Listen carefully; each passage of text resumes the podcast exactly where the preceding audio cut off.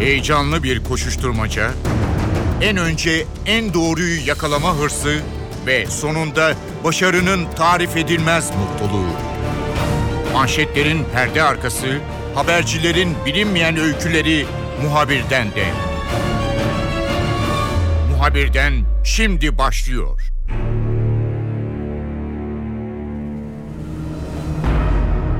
...15 Temmuz darbe girişiminden sonra uzun süren soruşturmadan sonra yargılama süreci başladı. İzmir'de, İstanbul'da, Ankara'da ve farklı yerlerde duruşma salonlarında darbe girişiminin nasıl yaşandığı, kimler tarafından ne yapılmak istendiği, Fethullahçı terör örgütünün yapılanması ve bu darbe girişimindeki rolü konusunda önemli bilgiler de ortaya çıkmaya başladı. Ankara'daki duruşmaları NTV muhabiri Gökhan Gerçek izliyor. Gökhan bizimle olacak, notlarını paylaşacak. Muhabirden başlıyor, ben Kemal Yurteri.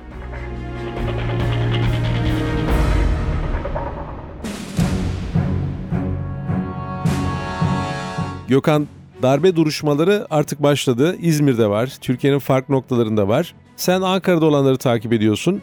Bu çok önemli bir olay darbe girişimi. Çok vahim bir olay ve tüm Türkiye'nin tepkisini çeken bir olay. E, duruşmalar sanıklarla tanıkların eğer yaşamını yitirenler varsa onların yakınlarının da bir araya geldiği noktalar. İşte duruşma salonlarının kapısında ilk defa görürler. Belki de eşi şehit olduysa o aile e, şehit edeni ilk defa görecek orada. Yüzüne bakacak daha doğrusu. Salon dışında hava nasıl? Sanıklar uzun bir zamandır aslında cezaevinde iddianameler hazırlandı, davalar açıldı. Ee, oldukça e, rahat ve soğukkanlı olduklarını söyleyebiliriz. Ee, Ankara'daki duruşmalarda özellikle e, net olarak görme imkanı bulduk. E, Salı günü başladı Ömer Halis Demir davası ve ilk 18 sanık orada geldi. Bir, iki numaralı sanık ve diğer tali sanıklar e, oldukça soğukkanlı jandarmanın arasında olağanüstü güvenlik önlemlerinin arasında geldiler. Buna da dikkat çekmek gerekiyor herhalde. E, adliyenin çevre çevresinde bir etten duvar oluşturuldu polis tarafından e, ve kimse yaklaştırmadı basın mensupları e, dışında. E, soğukkanlıydılar, elleri kelepçeliydi, jandarma erlerinin yanındaydılar. Bir tanesi Allah utandırmasın dedi mesela Halis Demir davası öncesi ve içeri girdi. Onlar için de zor, aileler için de zor bir süreç olduğunu söylüyoruz. Özellikle aileler için Ömer Halis Demir'in eşi ve kardeşleri oradaydı. İlk defa e, eşinin katilini görecekti Hatice e, Halis Demir e, gerçekten o, zor bir durum onlar açısından da müdahalelik talebinde bulundular gözyaşları içerisinde. ilk defa karşı karşıya geldiler ama e, sanıklar e, benzer savunmalarla e, hazırlıklarla gel, gel gelmişlerdi duruşmaya. E, Türkiye genelindeki bütün darbe soruşturmalarında olduğu gibi bunda da e, her şeyin emir komuta zinciri içerisinde olduğunu savundular. İç hizmet kanunun dışına çıkmadık dediler. E, talimat verildi. Git dediler. Nereye dedilerse oraya gittik. Biz operasyona gittiğimizi düşündük ama bir de baktık Ankara'dayız. E, bu çerçevede gelişen bir savunma süreci izledik Ankara'da. Gökhan diğer dava görüntülerine baktığımız zaman şöyle bir tablo var. Örneğin Marmaris'teki suikast timi e, bunlar gayet temiz giyinmişler. Zaten görüntülerde olduğu için bunların e, çoğu tabii ki şu an sanık ama bu suçu işlediklerine ve bu suça katıldıklarına neredeyse hiç şüphe yok. Zaten yargılamalar da bunların sorumluluklarını tam netleştirmek için yapılıyor anlaşıldığı kadarıyla. E, belli bir temiz yüz içerisinde, bir disiplin içerisinde, kıyafet içerisinde geldikleri gözüküyor. E, duruşma sırasında da bu soğukkanlı ve sakin tavırlarını koruyorlar mı? Yani kendi aralarında böyle organize ve e, bir ilişki içerisinde bir havaları mı var yoksa örneğin bazı duruşmalarda işte aynı tim içerisinden bir başka sanığın diğerine bağırdığını duyuyoruz veya itiraz ettiğini duyuyoruz. Ankara'daki duruşmalardaki e, salon içerisindeki hava nasıl? Tabii karşılıklı suçlamalar Ankara'daki duruşmada da oluyor. Çünkü e, dediğim gibi bir asli failler var. Kurşunu sıkanlar, kamera önünde olanlar ve suçları gerçekten sabit olanlar var. Bir de e, onun dışındaki tali failler var. E, bir tim seçiliyor Ali Demir'in öldürmesi, şehit edilmesi davasında da Diyarbakır'da e, hazırlıklar yapılıyor. Semih Terzi Diyarbakır'da görevli ama sözde yurtta sulh konseyi tarafından Ankara'da e, Özel Kuvvetler Komutanlığı'nı devre almaya geliyor. E, bir tim seç deniyor. Tabur komutanı 12. Özel Kuvvet Tabur Komutanı Fatih Şahin. Rastgele isimlerden bir tim seçiyor.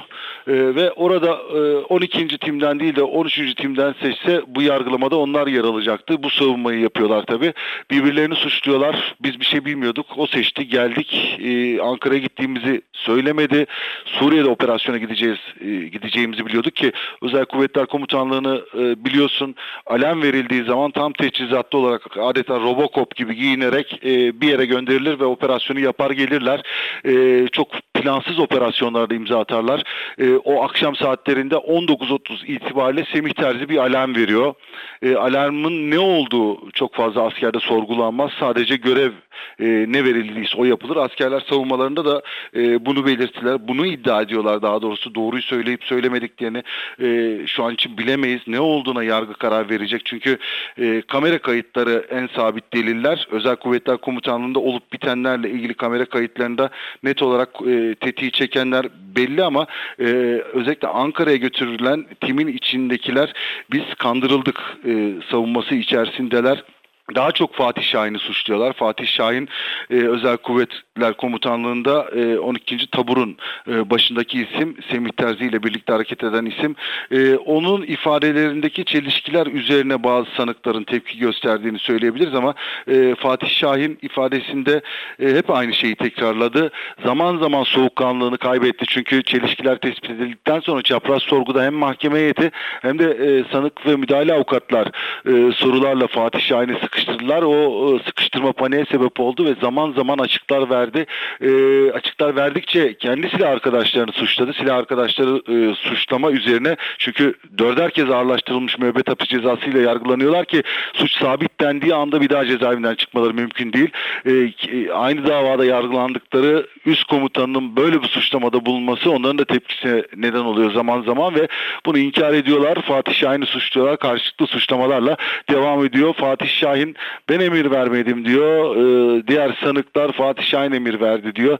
Böyle birbirlerini suçlayarak e, yürüyen bir dava süreci olduğunu söyleyebiliriz ama başta da belirttiğim gibi kimin doğru söylediğini, e, nelerin olduğunu bizim söylememiz ya da onların söylemesi bir anlam ifade etmiyor. Mahkeme delilleri topluyor. Hala kovuşturma aşamasında deliller toplanıyor ki zira e, Özel Kuvvetler Komutanlığı'nın e, emir komuta şeması dahi istendi son duruşmada. Özel Kuvvetler Komutanlığı'nın Ankara'daki Gölbaşı'ndaki ana karargahındaki kamera kayıtları ile ilgili bilirkişi görevlendirildi. Kim kimdir diye. Çünkü orada net olarak NTV ekranlarında da izlemiştik. Ee, Ömer Halis Demir'in Semih Terzi'yi vurduğu anın hemen ardından e, Semih Terzi'nin sol tarafında bulunan bir asker ki onun sonradan Fatih Şahin olduğunu anladık. Uzun namlu silahla e, soğukkanlılıkla silahın doğrultuyu hedef gözeterek Ömer Halis Demir'in kaçtığı yöne doğru ateş ediyor. E, sonradan anlıyoruz ki e, tam 10 kurşun isabet etmiş o ateş anında. E, bir o net delil savcılık dosyasında. E, ikinci delilde Mihrali Atmaca son kurşunu sıkan isim olarak adlandırılıyor iddianamede. E, Fatih Şahin uzun namlu silahla çok sayıda mermi isabet ettiriyor. Şehit e, kahraman asker Ömer Halis Demir ama Halis Demir orada ölmüyor. Çok güçlü bir asker çünkü 20 yıldır e, Özel Kuvvetler Komutanı'nın yanında e, nabza atıyor. Hala yaralı durumda ama e, iddianamedeki iddiaya göre yaralı durumdayken e, üst teğmen yine tim komutanı üst teğmen Mihreli Atmaca silahını çekiyor ve iki elde ateş ediyor. Öldürücü, şehit edici kurşunlar işte onlar. E, bu iki delil sabit görülüyor. Onun dışındaki hareketlilikle ilgili e, kovuşturma aşamasında netleşecek. Kimin suçlu olduğu, kimin daha bu da, bu e, eylemin içerisinde yer aldığı, kimin darbeden haberdar olup da darbe eylemiyle Ankara'ya geldiği ile ilgili e, delillerin toplanma sürecinin devam ettiğini söyleyebiliriz. Mahkemenin işi oldukça zor bu anlamda e, önümüzdeki duruşmada e, Zekai Aksakallı dinlenecek. Zekai Aksakallı derdest edilmeye çalışılan komutan. E, ilk günden beri belirtiyorum e, bu darbe girişimiyle ilgili üç önemli dava var. Bir tanesi Genelkurmay karargahında olup bitenler. İkincisi darbenin yönetileceği Akıncı üstünde olup bitenler. Üçüncüsü de Özel Kuvvetler Komutanlığı'nın zapt edilmek istenmesi. Çünkü e, şimdi davalara bakıyoruz. Cumhurbaşkanı'na e, suikast Marmaris davasında Ankara'dan giden, giden Özel Kuvvetler Komutanlığı'na bağlı askerleri görüyoruz. Yine TRT'yi e, TürkSat'ı, Özel Harekat Daire Başkanlığı'nı zapt etmeye giden askerlere, MİT'e giden askerlere bakıyoruz. Hepsi özel kuvvetler. Neden özel kuvvetler komutanlığı? Çünkü bunlar Türk Silahlı Kuvvetleri'nin operasyonel birimi e, anında karar verip e, sabotaj eylemi yapabilen, düşman sa e, satlarına sızabilen, Elbap'ta görüyoruz, Kuzey Irak'ta görüyoruz. İç güvenlik operasyonlarını hep ön, en ön safta e, jandarmadan önce özel kuvvetler komutanlığı askerlerini görüyoruz. Bunlar büyük emek sarf edilerek yetiştirilmiş yetiştirilmiş çok yetenekli askerler. Çünkü bu nedenle bu darbenin başarılı olabilmesi için oranın Ankara'daki Gölbaşı'ndaki bu üssün ele geçirilmesi şarttı, öncelikti. Ama e, bir isim vardı. E, bu dosyaya ismini veren asker Assubay Ömer Halis Demir bir talimat aldı. Tereddüt etmeden gitti ve e, Özel Kuvvetler Komutanlığı'na sözde konsey tarafından atanan General Semih Terzi'yi öldürdü ve her şey ondan sonra değişti diyebiliriz. O emirle birlikte e, bu nedenle burada neler olup bittiği oldukça önemli. Ze- Zekai Aksakallı Özel Kuvvetler Komutanlığı basılmadan önce 20 yıllık koruma subaylığını yapan Ömer Halis Demir'i aradığını söyledi. Bunun sonunda ölüm var, şehitlik var, hakkını helal et dedi. E, vedalaştı Ömer Halis Demir karargahın içindeydi çünkü e, tek güvenebileceği asker oydu.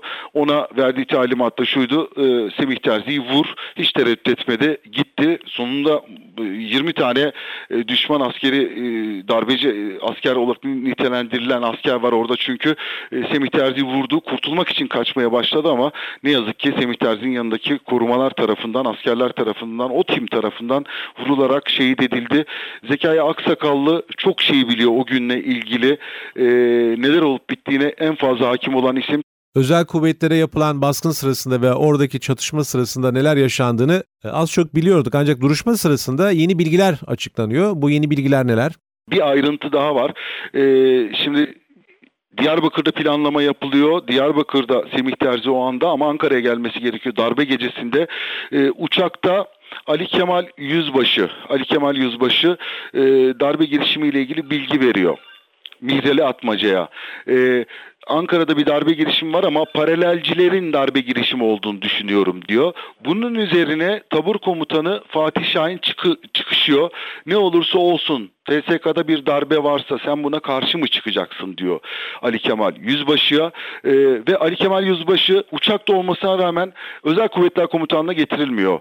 Özel Kuvvetler Komutanlığı'na getirilmiyor. E, Etimeskut Havalimanı'nda uçakta bırakılıyor Fatih Şahin tarafından.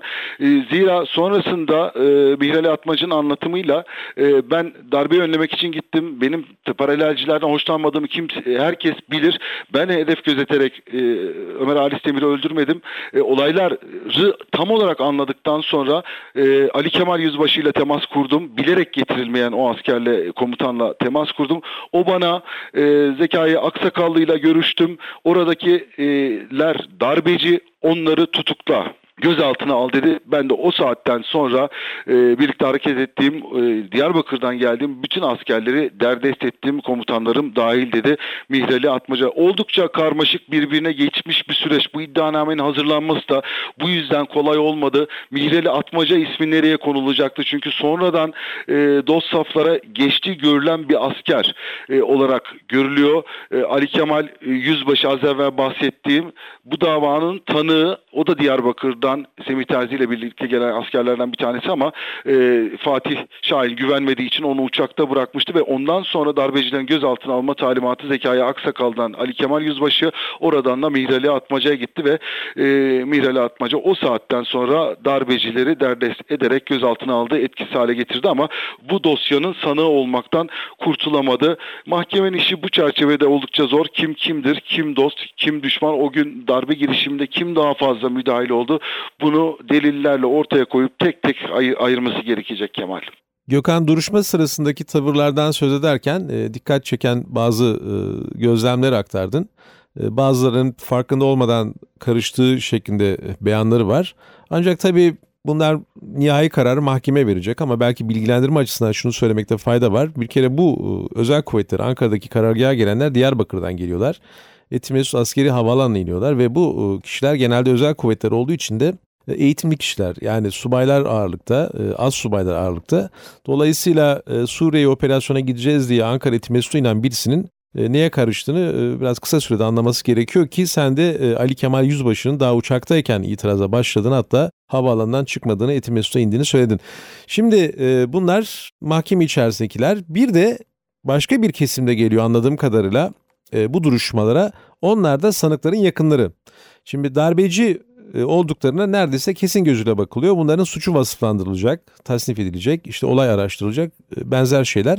Ama aileleri büyük bir e, sorumluluk altındalar veya büyük bir yük altındalar. Çünkü anneleri, kadın subaylarsa veya babaları, eşleri, yakınları, sevgilileri, nişanları artık neyse darbeye karıştılar ve ağır bir suçtan ve ağır bir yargı sürecinden geçirecekler. Sanık yakınları ne yapıyor orada? Onların havası e, nedir? Onlar da yakınlarının suçsuz olduğunu inanıyorlar tabii. Yani zaman zaman sesler yükseliyor. E, dedik ya e, birbirlerini suçluyorlar. Onlar da yakınlarına paralel olarak tepkilerini dile getiriyorlar. Zaman zaman çünkü karşılıklı suçlama çocuklarının bir anlamda hakim olması anlamına gelecek ileriki aşamalarında davanın. Bu nedenle onlar da endişeyle bu dava sürecini izlediklerini belirtebiliriz. E, yan yanalar e, sanık yakınları Ömer Halis ailesi yan yanalar. Onlar da o merakla bu dava sonucunda ne olacağını bekliyorlar ama e, daha zoru tabii e, Halis Demir'in ailesi Hatice Halis Demir oldukça duygusal bir konuşma yaptı.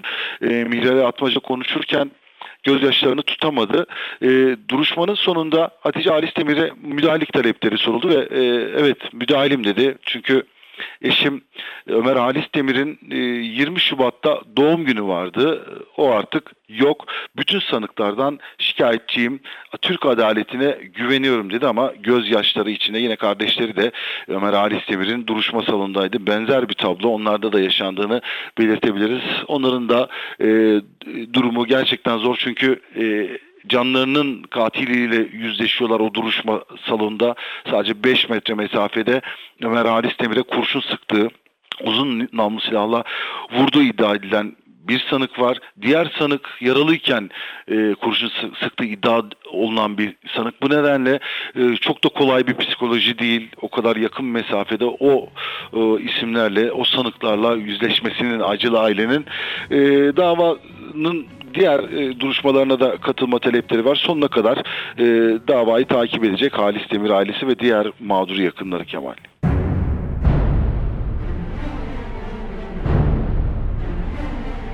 Muhabirden de bu hafta Ankara'daki 15 Temmuz darbe girişimi davasına yakından baktık. Ben Kemal Yurteri, muhabirden de yeniden görüşmek üzere, hoşçakalın.